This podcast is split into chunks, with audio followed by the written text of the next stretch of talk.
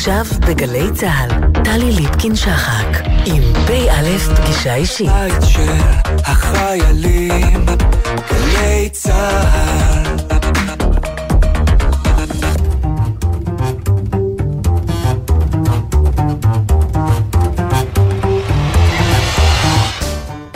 שלום לכם, ערב טוב, שבוע טוב. פא' פגישה אישית משולשת בסופו של עוד שבוע סוער, הבטיחו והקימו גשמים ושלג, וגם שיא בתחלואה שהובטח והתגשם.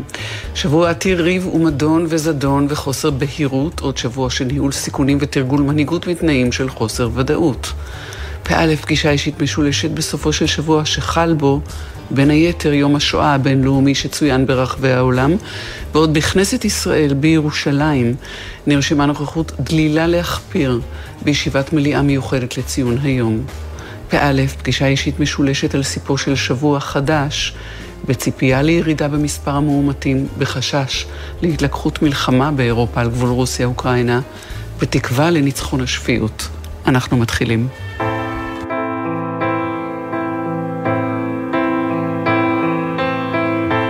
האפל הנסתר בעולמנו המר.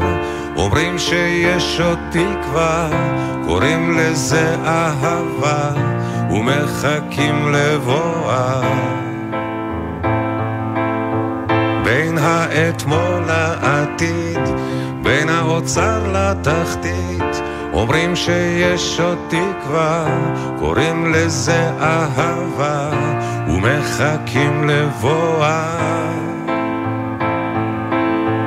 בין הבלבול לאסון, תדעו שיש פתרון, קוראים לזה אהבה. בין הזיוף לאמת, בין כל מה שחי למת, ישנה אהבה. יש בי אהבה והיא תתעורר ותיגע. יש בי אהבה והיא תנצח.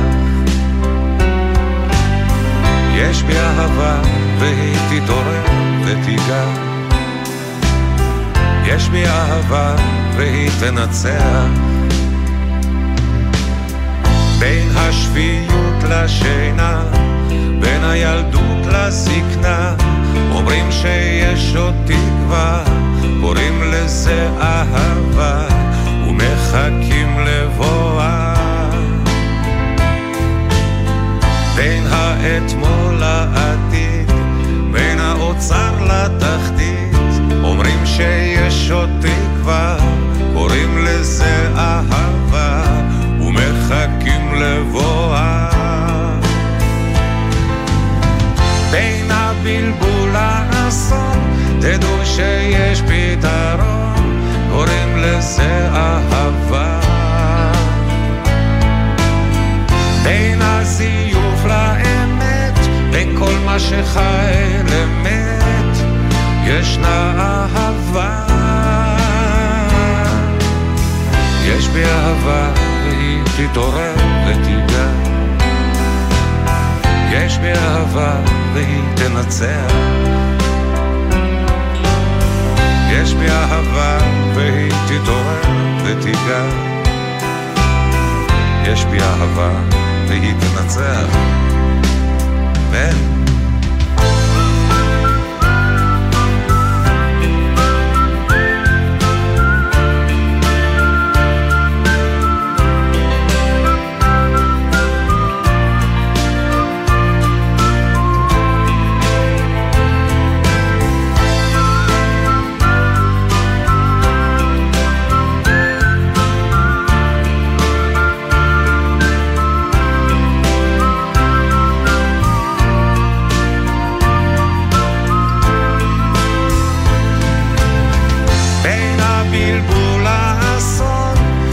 תדעו שיש פתרון, קוראים לזה אהבה.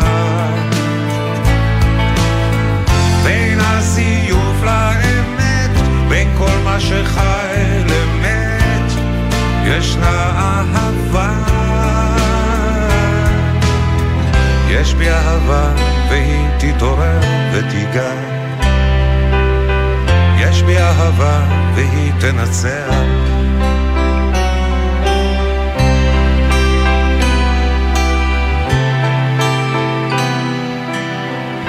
בי אהבה.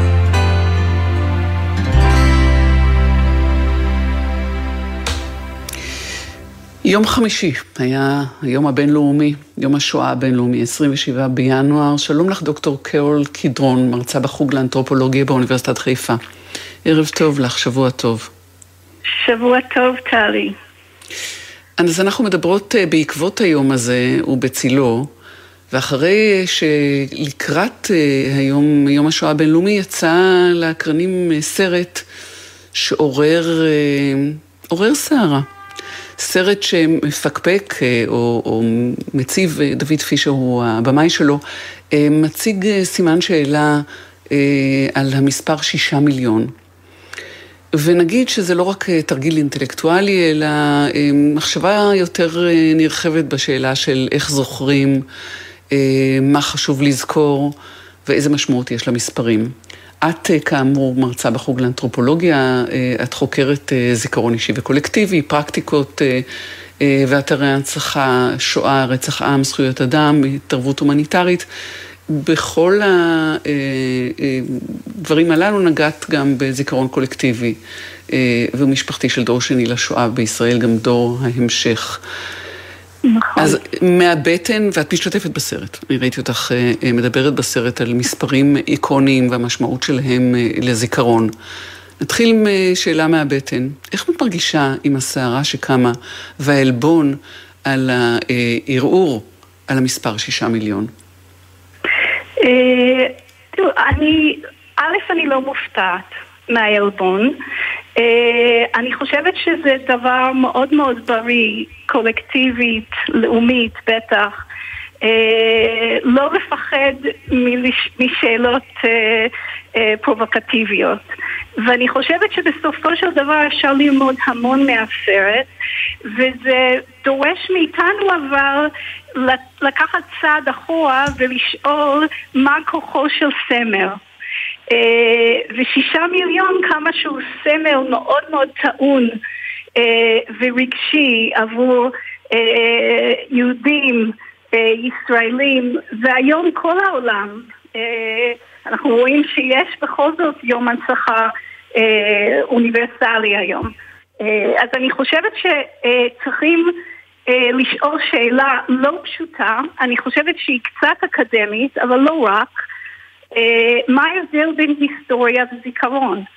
אה, המספר שישה מיליון זה מספר שמסמל את הזיכרון הלאומי, ואנחנו מצפים ממנו באיזשהו מקום גם לייצג היסטוריה לאומית ואתנית. ואני חושבת שכאן זאת הטעות. אה, מבחינת היסטוריונים אה, זה חשוב מאוד שיהיה תיעוד היסטורי מדויק אה, על בסיס ממצאים מדעיים. אבל כוחו של הסרט זה דווקא היכולת של דוד פישר לשאול שאלה על הרגישות ההיסטורית והקבוצתית קולקטיבית סביב הזיכרון של השואה. והמספר הזה מייצג זיכרון. כלומר, כן, כן. המספר אה, מייצג זיכרון, אבל המספר העגול, כך גם נקרא נכון, הסרט, נכון. הוא איזשהו, אה, המספר העגול זה מין, אה, זה מרמז לנוחיות, הנוחות המסוימת שבה התקבע המספר עגול. שנוח לזכור אותו, שנוח להשתמש בו, הוא לא בהכרח אה, היסטורית אה, מדויק. את אומרת, אה, אנחנו צריכים לשאול למה חשוב לדייק, וזאת באמת שאלה ש... תלוי מי השואל. היסטוריונים נכון. רוצים לדייק, אבל מי שמעצבים נכון. את התודעה הלאומית ואת הסיפור הלאומי, הם יכולים לטעון וטוענים שמספרים עגולים עוזרים לייצר את אותו זיכרון, ואז אנחנו שואלים, למה חשוב לשמר זיכרון? נכון, איך, לגמרי. איך, איך, באיזה אופן, איך, איזה פרשנות לתת לו, בשעה שזיכרון הוא גם דבר פוליטי, היא משתנה ונזילה ותלויה בזמן וב, ובסביבה. נכון, אבל, אבל אני חושבת שיש איזה פרדוקס אה, בזיכרון קולקטיבי. אנחנו באיזשהו מקום נהנים מהאשליה אה, הקבוצתית שזיכרון זה משהו שהוא שווה להיסטוריה. שזיכרון זה מדויק, שזיכרון הוא גם כן אה, חלק מתיעוד האירועים כפי שהם קרו. אה, ויש גם חשש אה, מערעור, כמו הכחשת השואה. אה, אבל בעצם אני חושבת שהשאלה היותר אה, חשובה, אידיאולוגית אה, ולאומית סביב הסרט של דוד פישר והשאלה הקשה שלו היא עד כמה אנחנו מוכנים להודות בכך שזיכרון קולקטיבי הוא תמיד סלקטיבי, הוא תמיד פוליטי והוא תמיד אה, חלקי וסובייקטיבי. אבל אה, נניח שהוא חלקי וסובייקטיבי, אה, אה, דוקטור כן. קדרון, עדיין כן, יש כן. סמלים מקובעים שנכון להחזיק בהם. אני לא אומרת שהיסטורית לא נכון לערער עליהם או לדון בהם, אבל עדיין נכון להחזיק בהם, כי, כי זה ערכם כסמלים שאינם משתנים עם רוח הזמן. וממשיכים להתקיים, הם, הם הלוז, הם, ה, הם הלב או עמוד השדרה של הזיכרון. אה, אני אגיד ככה, זה כמו שיש אה, בן או בת משפחה שאנחנו מאוד אוהבים אותו או אותה ואנחנו מרגישים קרבה והיסטוריה, אבל זה לא אומר שאין אה, קשיים ואין היסטוריה קשה. אה, אז יש, יש צורך להודות בכך שבשם הזיכרון נעשים דברים שהם סלקטיביים ואידיאולוגיים, אבל זה לא מערער על עצם האירועים שקרו. אה, שנתנו השראה וכוח וגם כאב. אה, אז שוב, אני, אני קוראת לסוג של אה, דיוק כאן בהגדרות, שיש חשיבות היסטורית להגיע לתיעוד של כל קורבן השואה.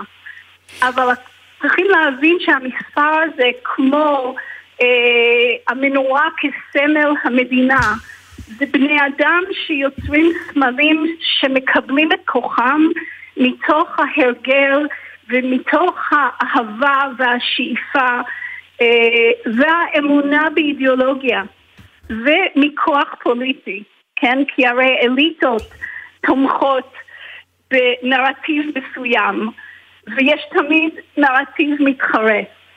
אה, ואז השאלה היא מה דוד פישר רצה לנגוע בו, לנגוע בסוד כוחו של מספר שהוא מצד אחד חייב להישאר עגול ומדויק, וכולנו יודעים שיש אפשרות שהסמלים שלנו הם לא מושלמים ועגולים. כלומר, אז... הם, לא, הם לא אה, נאמנים אה, לאיזה מציאות אה, או דיוק לא היסטורי. יכולים, הם לא יכולים, הם לא יכולים. כן. אני, אני, אני אשמח... כן. אקדמי הוא, הוא מתחרה עם מסמך שבא אחריו.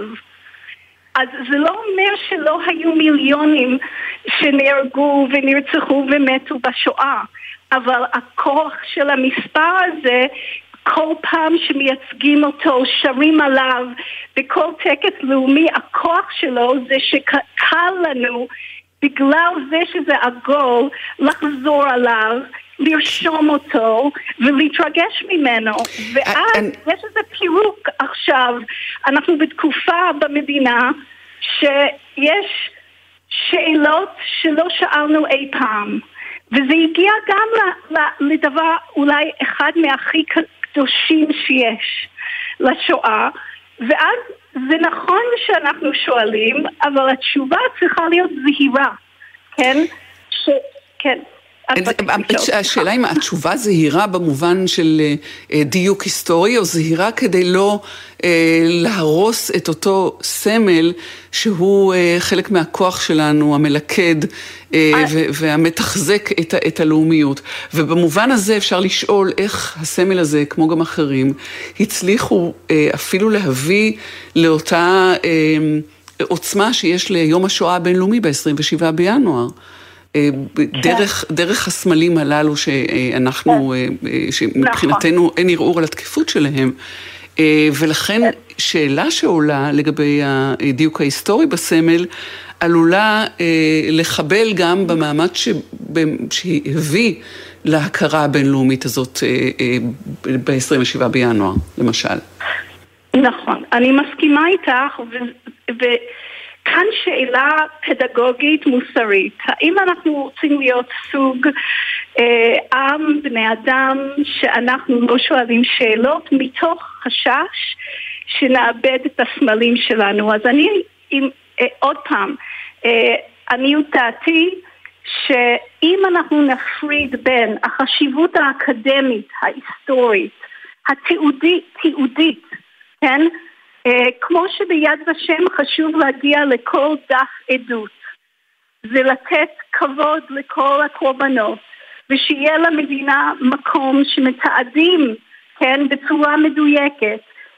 זה לא מתנגש עם הצורך אה, לשמור על הסמלים שלנו במודעות, כן? לא בבורות, כן? שזה אומר שיש סמל שהוא לא יהיה מושלם, אבל אנחנו נשפוך בתוכו, כן? נטעין אותו במשמעות. דוקטור... וזה דוק... מה שחשוב, זה המשמעות שאנחנו מטעינים בו, כן? דוקטור קרל קדרון, אה, מהחוג לאנתרופולוגיה באוניברסיטת חיפה, אני מודה לך מאוד על ההבהרות האלה. שלום לך, שיהיה שבוע טוב. תודה, שלום. שבוע טוב, תודה.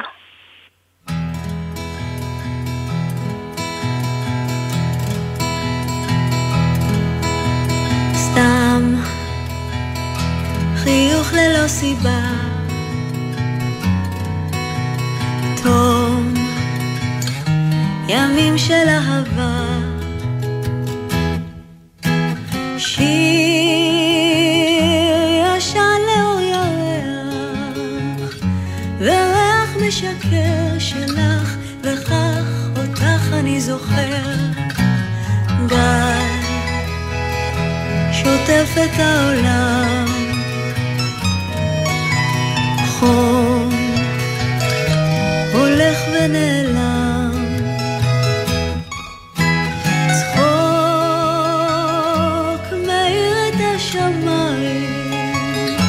מזכיר שהמשחק נמשך והחיים יפים כל כך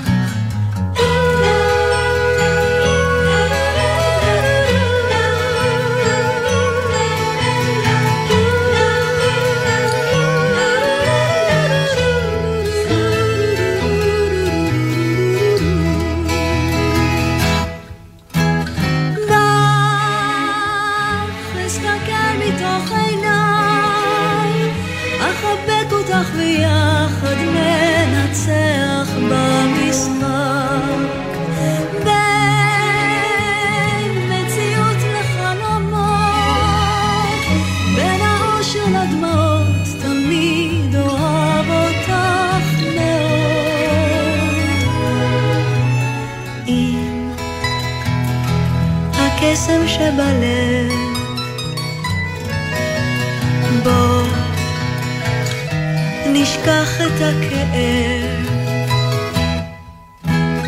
רק עוד רגע ובינתיים נזכור שהמשחק נמשך והחיים יפים כל כך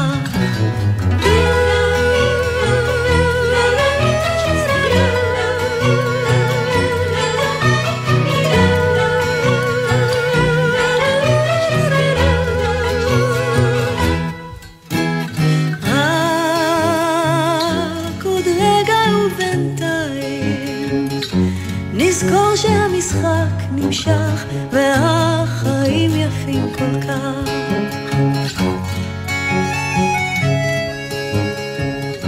נזכור שהמשחק נמשך והחיים יפים כל כך.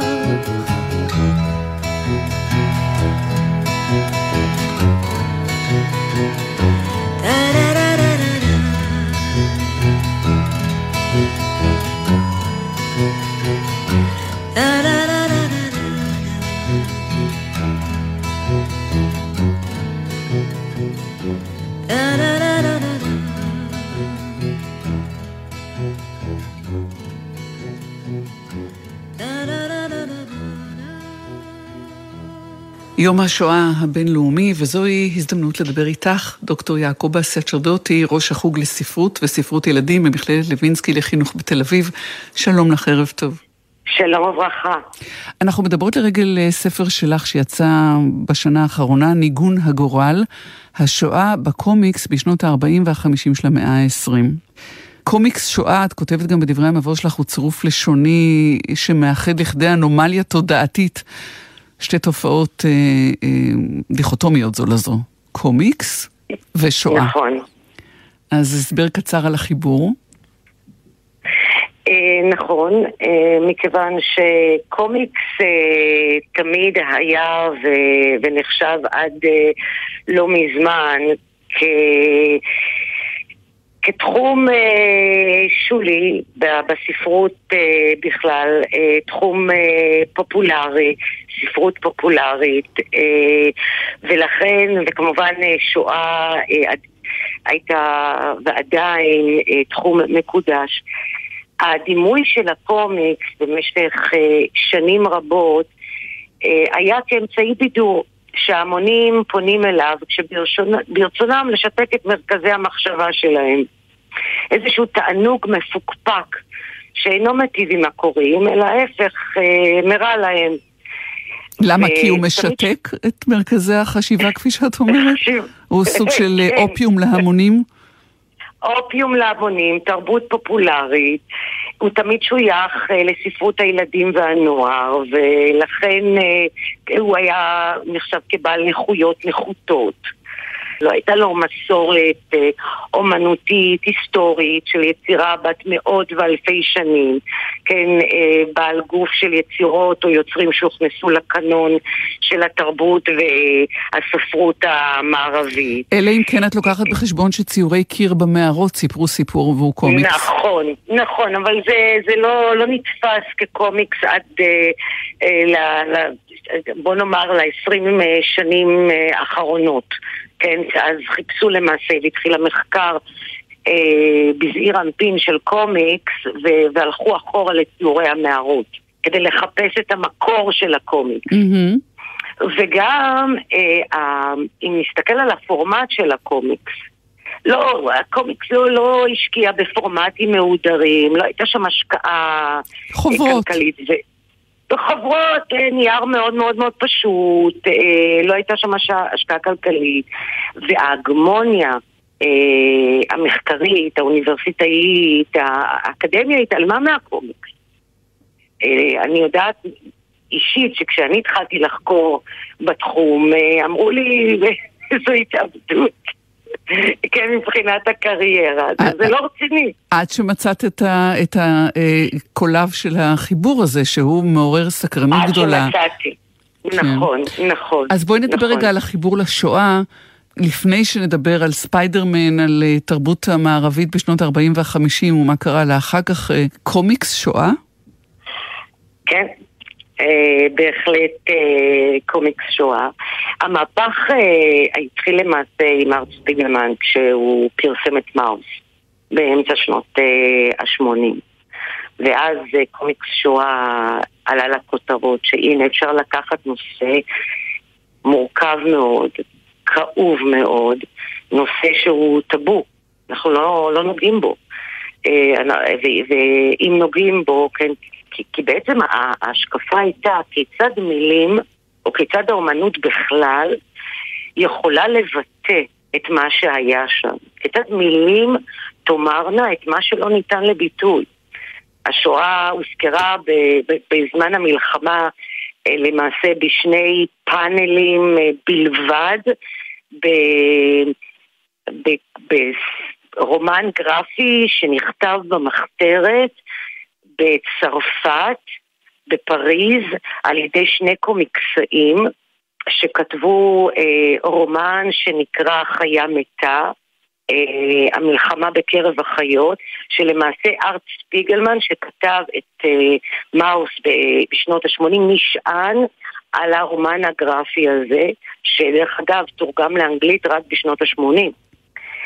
אה, אבל אה, חוץ משני הפאנלים האלה וקומיקס צרצר שנכתב על ידי יהודי במחנה ריכוז אה, גריס אה, בצרפת.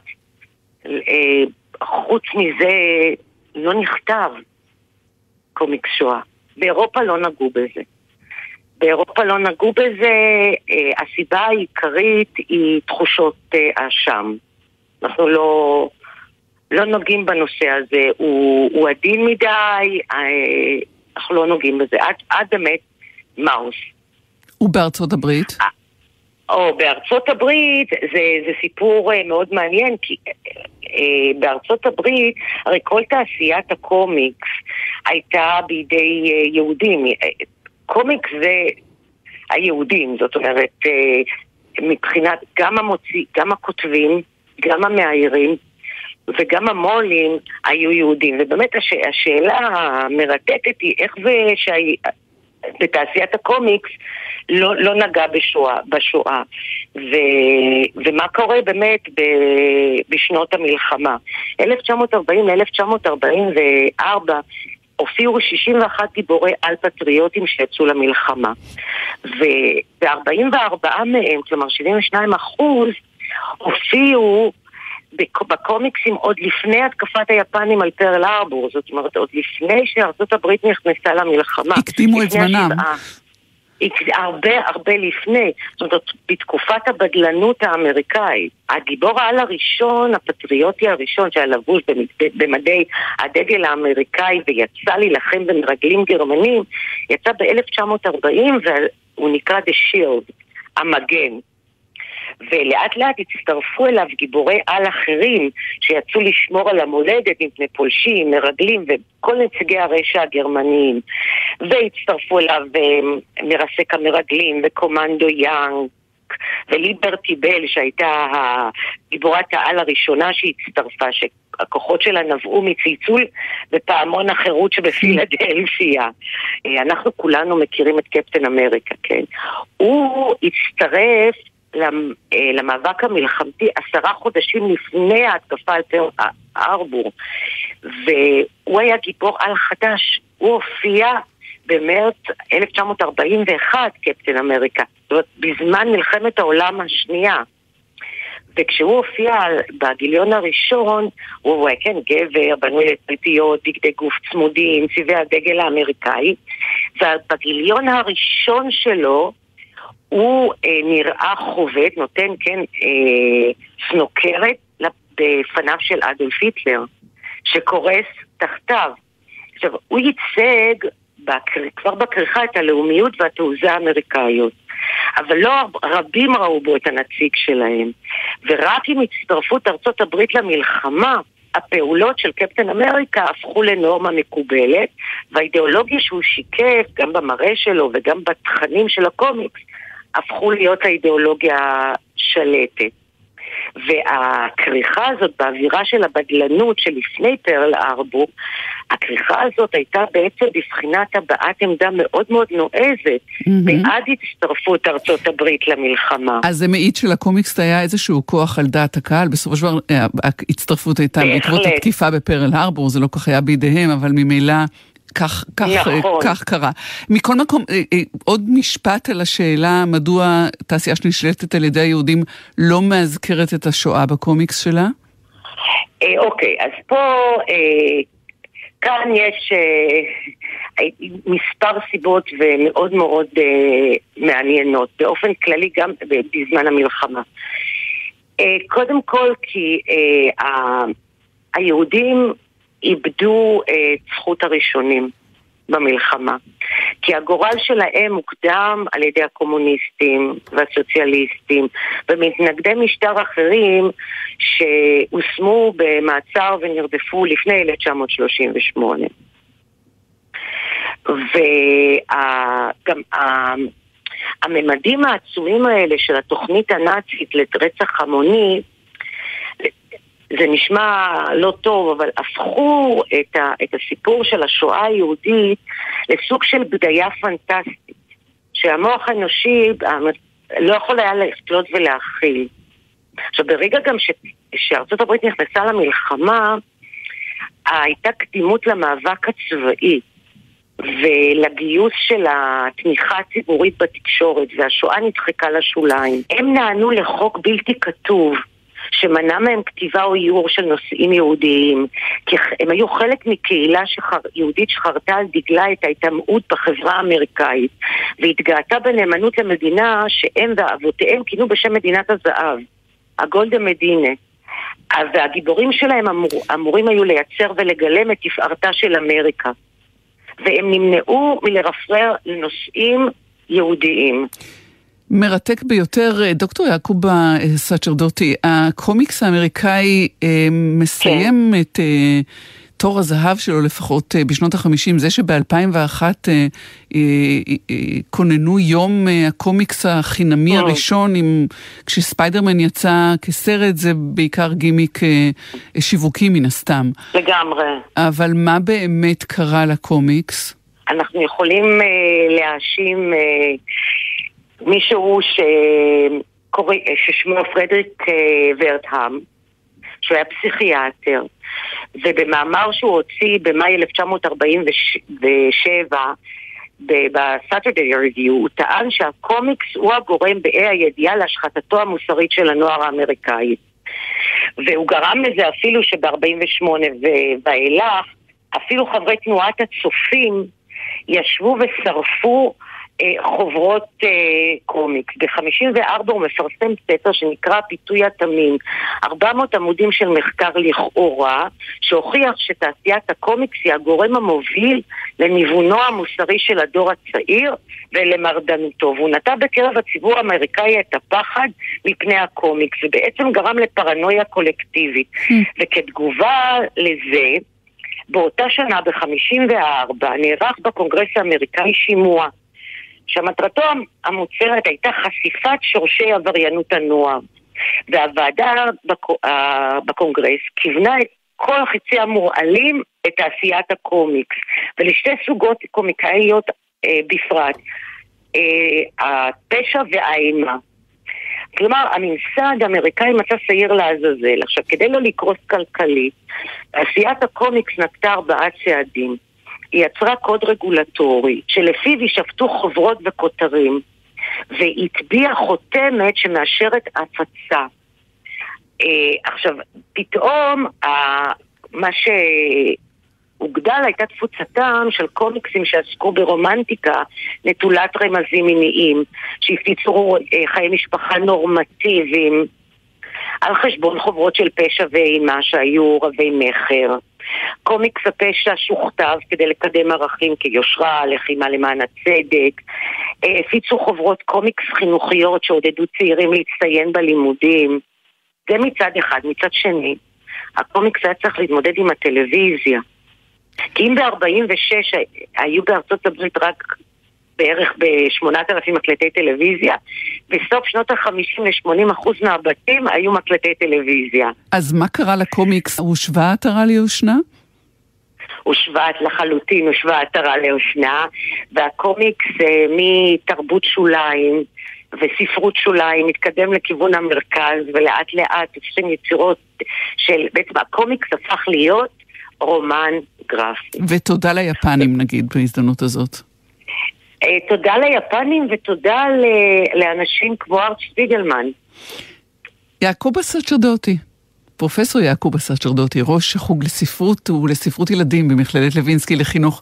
תודה שדיברת איתנו, שיהיה שבוע טוב. שלום תודה לך. תודה רבה לכם. שלום.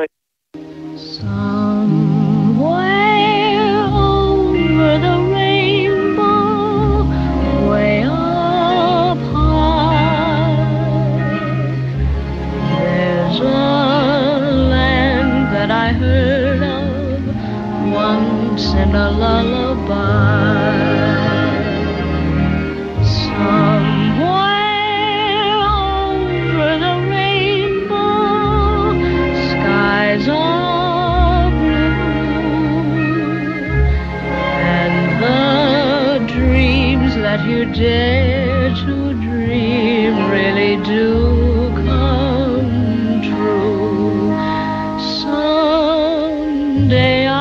upon a star and wake up where the clouds are far behind me. Their troubles melt like lemon drops away above the chimney tops. That's where you'll find me. Somewhere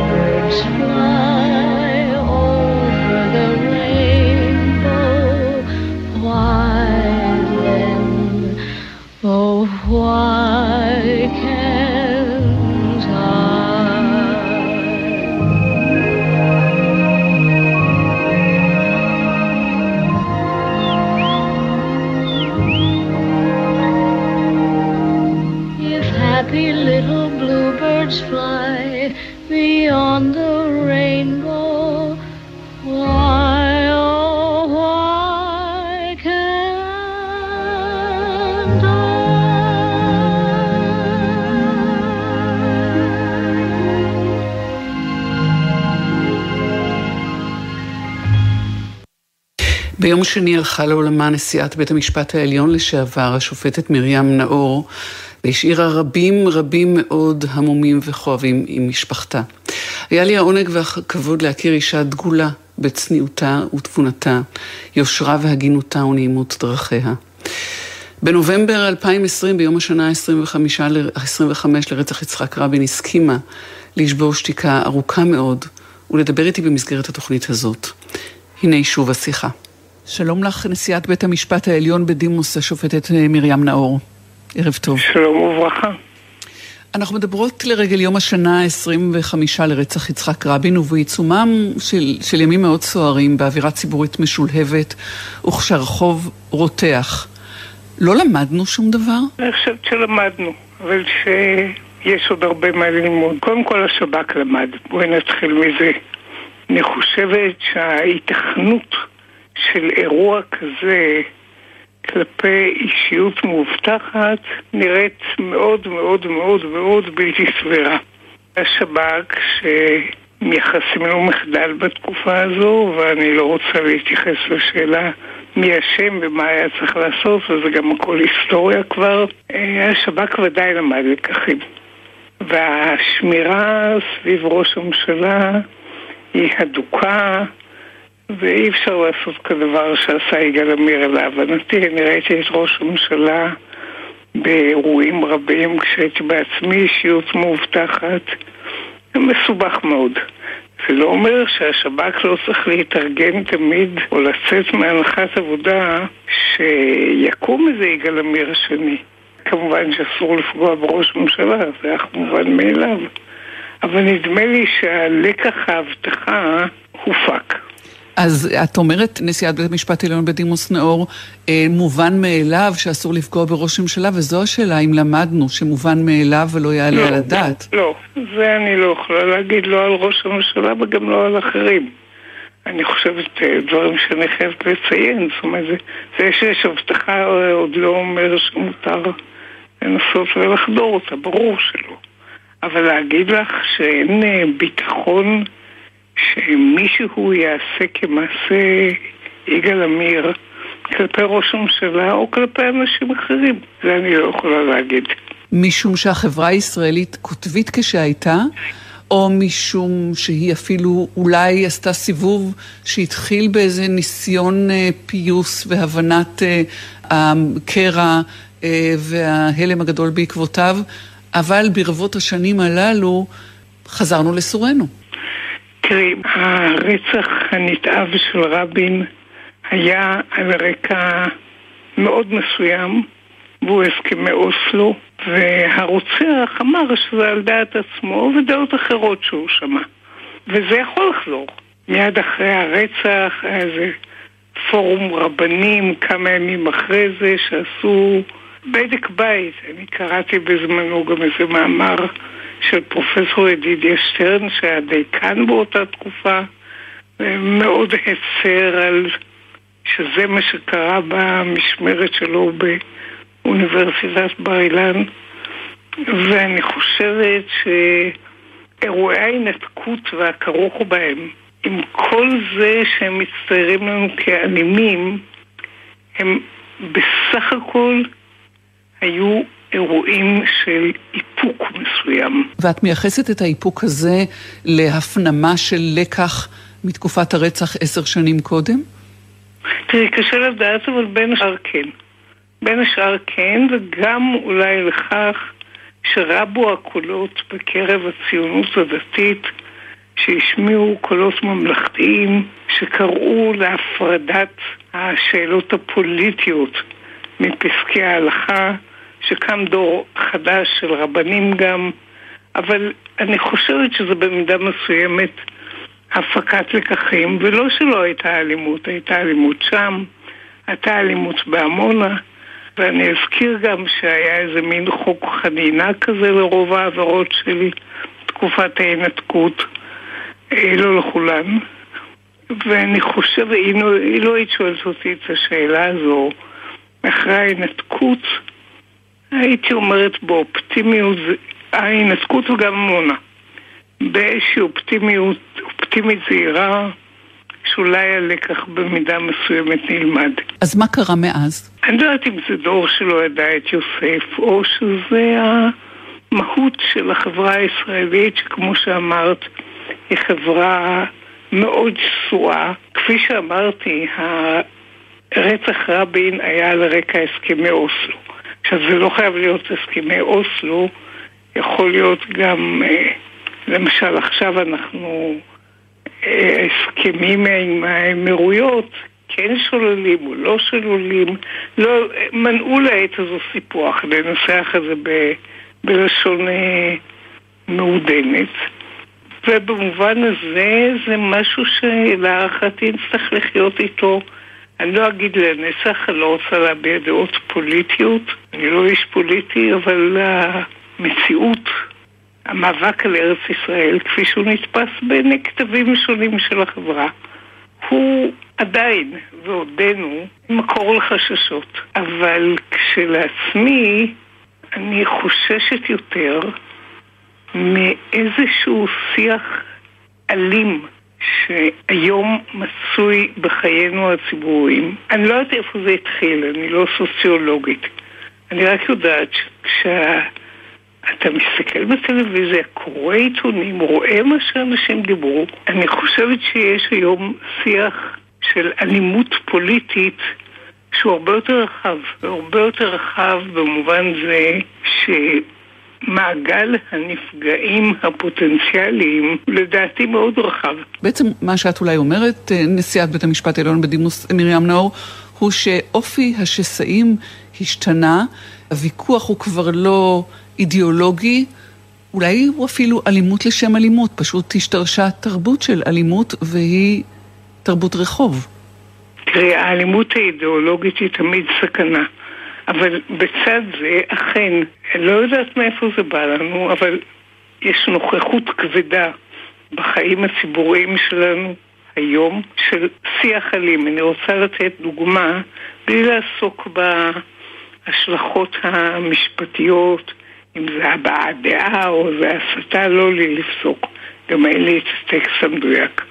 אבל רק לפני זמן קצר ראינו בטלוויזיה, אנשים בגילי עוד זוכרים וזוכרים היטב את רצח אמיל גרינסוויג על ידי יונה אברושמי. והנה ראינו את יונה אברושמי, מבוגר בכך וכך שנים, מדבר על זה ש... אין לי את הניסוח המדויק, אבל משהו על זה שיש אה, דור צעיר שיודע מה לעשות, או משהו מעין זה. וגם אה, מכנה מפגינים בכינויים שאינם ראויים. ואני, למפגינים למשל, אני בהחלט חוששת. גם היו כל מיני תקריות אלימות במהלך הפגנות. אנחנו עדים לזה יום-יום. יכול להיות שזה נובע מזה שאנשים הם uh, מאוד מתוחים, לכולם יש בעיות כלכליות. לא לכולם, אבל להרבה יש בעיות כלכליות. ויכול להיות שזו תרבות, או אולי תת-תרבות, שמתחילה מלמעלה. כשהייתי שופטת שלום, מתחילה, היה לפניי איזה משפט על העלבת עובד ציבור שמישהו אמר לאיזה שוטר משהו, אני כבר לא זוכרת מה האמירה המעליבה, אני גם לא בטוחה שהיום היו מעמידים את זה לדין. ואוקיי, הוא הודה, הוא אמר מה שאמר. וכשהגענו לגזר דין הוא אמר דברים שאני במרחק של עשרות שנים לא יכולה לשכוח. הוא אמר, בסדר, אמרתי, אבל תשמעי מה שאומרים בכנסת. תראי איך הם מדברים אחד על השני. אז מה רוצים ממני עם מה שאמרתי לאותו שוטר? וזה כששנות ה-80, כשאת שופטת שלום, אם אינני טועה. כשהייתי שופטת שלום, אכן. כן, מזמן. אכן, זה... האיש הזה, שאני זוכרת את שמו ואני זוכרת מה הוא אמר, קצת פקח את עיניי, והדברים האלה אכן, במידה רבה, באים אה, מלמעלה. ראי את הדברים הנאמרים נגד היועץ המשפטי לממשלה. אתה יכול להסכים היועץ, אתה יכול לחלוק עליו, לא זו השאלה בכלל. אבל נשמעים כלפיו דברים שהמעט שאני יכולה להגיד עליהם שהם בלתי ראויים. ואני מקווה ובטוחה שמשרד המשפטים מצידו דואג לאמצעי אבטחה ראויים. אבל אני פוחדת לא רק לגבי אלה שיש מאחוריהם אה, משרדים שידאגו לאבטחה, אם כי אף אבטחה כזו לא יכולה להיות כמו ההבטחה של ראש הממשלה, אלא אני דואגת למפגינים, אני דואגת לא פחות לעיתונאים, מפני שיש לנו איזו נורמה חדשה שאם מישהו מביע דעה שאיננה נוחה לשומע, או שהוא מתנגד לה, אז צריך לעשות מעשים, או לפחות לאיים. היה למשל אירוע לפני ימים לא רבים במשרדי הארץ בעקבות כתבות של גידי וייץ. עכשיו, אינני זוכרת מה גידי וייץ כתב, וזה גם לא משנה בכלל, כי לא הדעה היא העומדת לדיון, אלא התגובה להבעת דעה על ידי גורמים שונים, מפגינים, עיתונאים, אנשי ציבור, אנשי ציבור במובן הרחב. זו התופעה שמדאיגה. ב-2015 השופטת אה, מרים נאור, בעקבות פסיקה שלך בנושא המסתננים, שזה עוד אחת מאבני המחלוקת היום, גרמה להפצה של תמונות שלך במדי נאצית וכינויים כן. מהסוג הזה. נכון. איך את זוכרת את החוויה הזאת? תראי, אני לא רוצה להתייחס לשאלה אם יש פה עבירה פלילית. זה ודאי, איך אני אגיד, כיוון שאירועי התקופה היא של הנאציזם חרוטים עמוק, ועוד לא נולדתי אז. אבל בתודעה שלנו, של כולנו כישראלים, כיהודים, התמונה היא, אני רואה אותה מול עיניי. עד היום, זו חוויה קשה. ומאז עברו עוד חמש שנים, ומה שאת מתארת הוא בעירה, שכבר... אה, נכון. אני חשה שהיום אנחנו בבעירה. בבעירה שהדרכה של אש, יש המון פסקי דין על הצתות, ואומרים מי שהאש יצאה מ... לא הצתות... אה, הצתות אזרחיות דווקא. ויש איזו הנחה שמי שהאש יצאה מחצרו, הוא אחראי. כי לאש יש תכונה שמתפשטת ואתה לא יודע לאן היא תגיע. זו דרכה של אש. והיום בהחלט אש פשטה בארצנו האהובה כמו בשדה קוצים. ולהערכתי, להבנתי, לתחושתי כאזרח מודאג, היא מסוכנת. ולכן כשאנחנו עומדים 25 שנה ברצח רבין, אני חושבת שאנחנו כן, אנחנו צריכים לדאוג. לא בדיוק לעוד יגאל עמיר, כי אירועים לעיתים נדירות חוזרים על עצמם באותה תבנית. אני חוששת מאירועים של אלימות פוליטית. אלימות לרקע שאנשים לא מוכנים לקבל שמישהו חושב אחרת מהם. ולפעמים אומרים שאם מישהו חושב מה שלא נראה להם, צריך לעשות מעשה. ממי נשיאת בית המשפט אה, העליון בדימוס, השופטת מרים נאור, ממי את מצפה לעצור את האש הזאת? האמת, מכולם, קודם כל מלמעלה. מאישי הציבור, ואולי ראש וראשון בהם, ראש הממשלה עצמו. נכון, לראש הממשלה יש צרות משלו וכל מיני עיסוקים גם פרטיים וגם ציבוריים. אבל הוא ראש הממשלה. ובהיותו ראש הממשלה מוטלת עליו החובה לגנות את התופעה הזו, להרגיע את הרוחות, לעשות כל מה שהוא יכול כדי שהאלימות הפוליטית לא תרים ראש. בהחלט אני רואה את זה כתפקידו. בצד זה, מכל המחנכים צריכים לחנך לדמוקרטיה. הרי שורש כל הרע הוא פה שיש מי שחושב שאם מישהו חושב אחרת ממך, אז הוא ראוי לסקילה, הוא למסער לחרפות וגידופים, הוא למסער לאיומים. וזו תפיסה מעוותת של הדמוקרטיה שבה צריכות לשכון זו בצד זו, יכולות לשכון זו בצד זו. כל הדעות, כל הדעות זה לגיטימיות. ולגיטימיות זה לא מה שלגיטימי בעיני פלוני או אלמוני, לגיטימי בעיני החוק. אני עצמי גדלתי, אבא שלי היה איש מפאי ההגנה ומפאי לימים, ואימא שלי הייתה באצ"ל, ואחר כך חירותניקית, ובתקופה שקדמה לי היו מחביאים בתקופת הסזון, היו מחביאים אה, אנשי אצ"ל בבית הוריי, וראיתי איך אפשר להשאיר את החילוקי הדעות בצד. בתקופה שבקיבוצים היה פירוד בין איחוד ומאוחד, בבית שלנו היו מחלוקות הרבה, אבל גם הרבה אהבה, וגם צריך לכבד את דעתו של האחר, ולמצער, אם לא לכבד אותה, לא לגנות אותה. נשיאת בית המשפט העליון בדימוס, השופטת מרים נאור, אני מודה לך מקרב לב שדיברת איתנו. תודה שלום לך. לך. כל מילה בסלע, אפשר נאמר צוואתה. מרים נאור, יהי זכרה ברוך.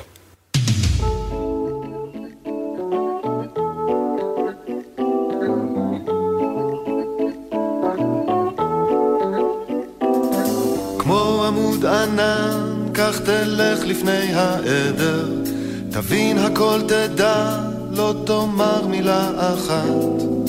כמו עמוד עשן, תיעלם בתוך החדר, משהו בך יאמר לך המשך בדרכך. כמו שבילי חלב שחוצה את השמיים אתה הולך ישר, לא שם לב לכוכבים שזוהרים כדי לסנוור את העיניים. משהו בך יאמר לך המשך בדרכך.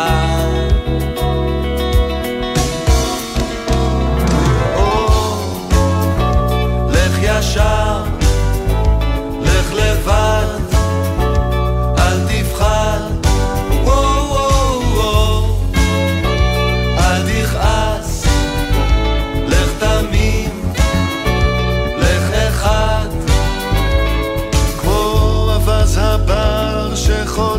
בשמי הערב, הוא טס בראש החץ, לא נרתע מן המרחק.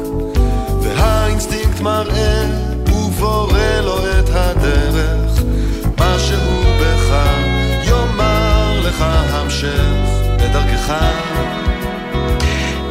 יפעת גלר, ניצן שקדי ועומר נותקביץ' עשו איתי את המשדר הזה, רועי מרקס היה טכנאי השידור, יולי אמיר בדיגיטל, אסף סיטון בפיקוח הטכני, אני טלי ליפקין שחק. שבוע טוב שיהיה לכולנו. היו שלום.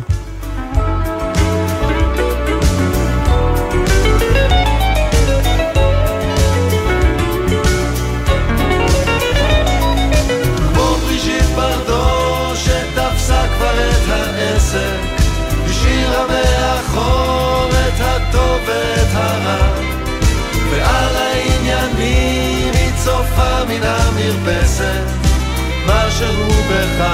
יאמר לך הפסק. בלי להתכוון תן לעצמך ללכת. כל החישובים ייגמרו מעליהם. כמו העץ שקם לתחייה מן ה... מה נשמע, נשמע, סוף השבוע. הבית של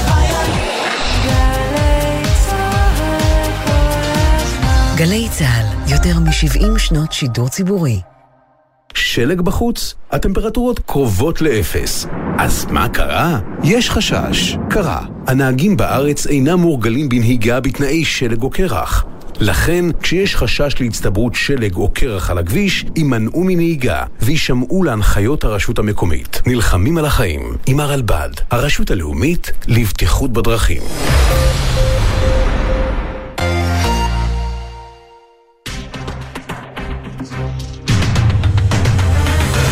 75 שנה לאסון המסוקים, רצועת הביטחון בתוכנית מיוחדת. טלי ליפקין-שחק בשיחה עם הרמטכ"ל רב-אלוף אביב כוכבי על משמעות השירות הצבאי ומנהיגות.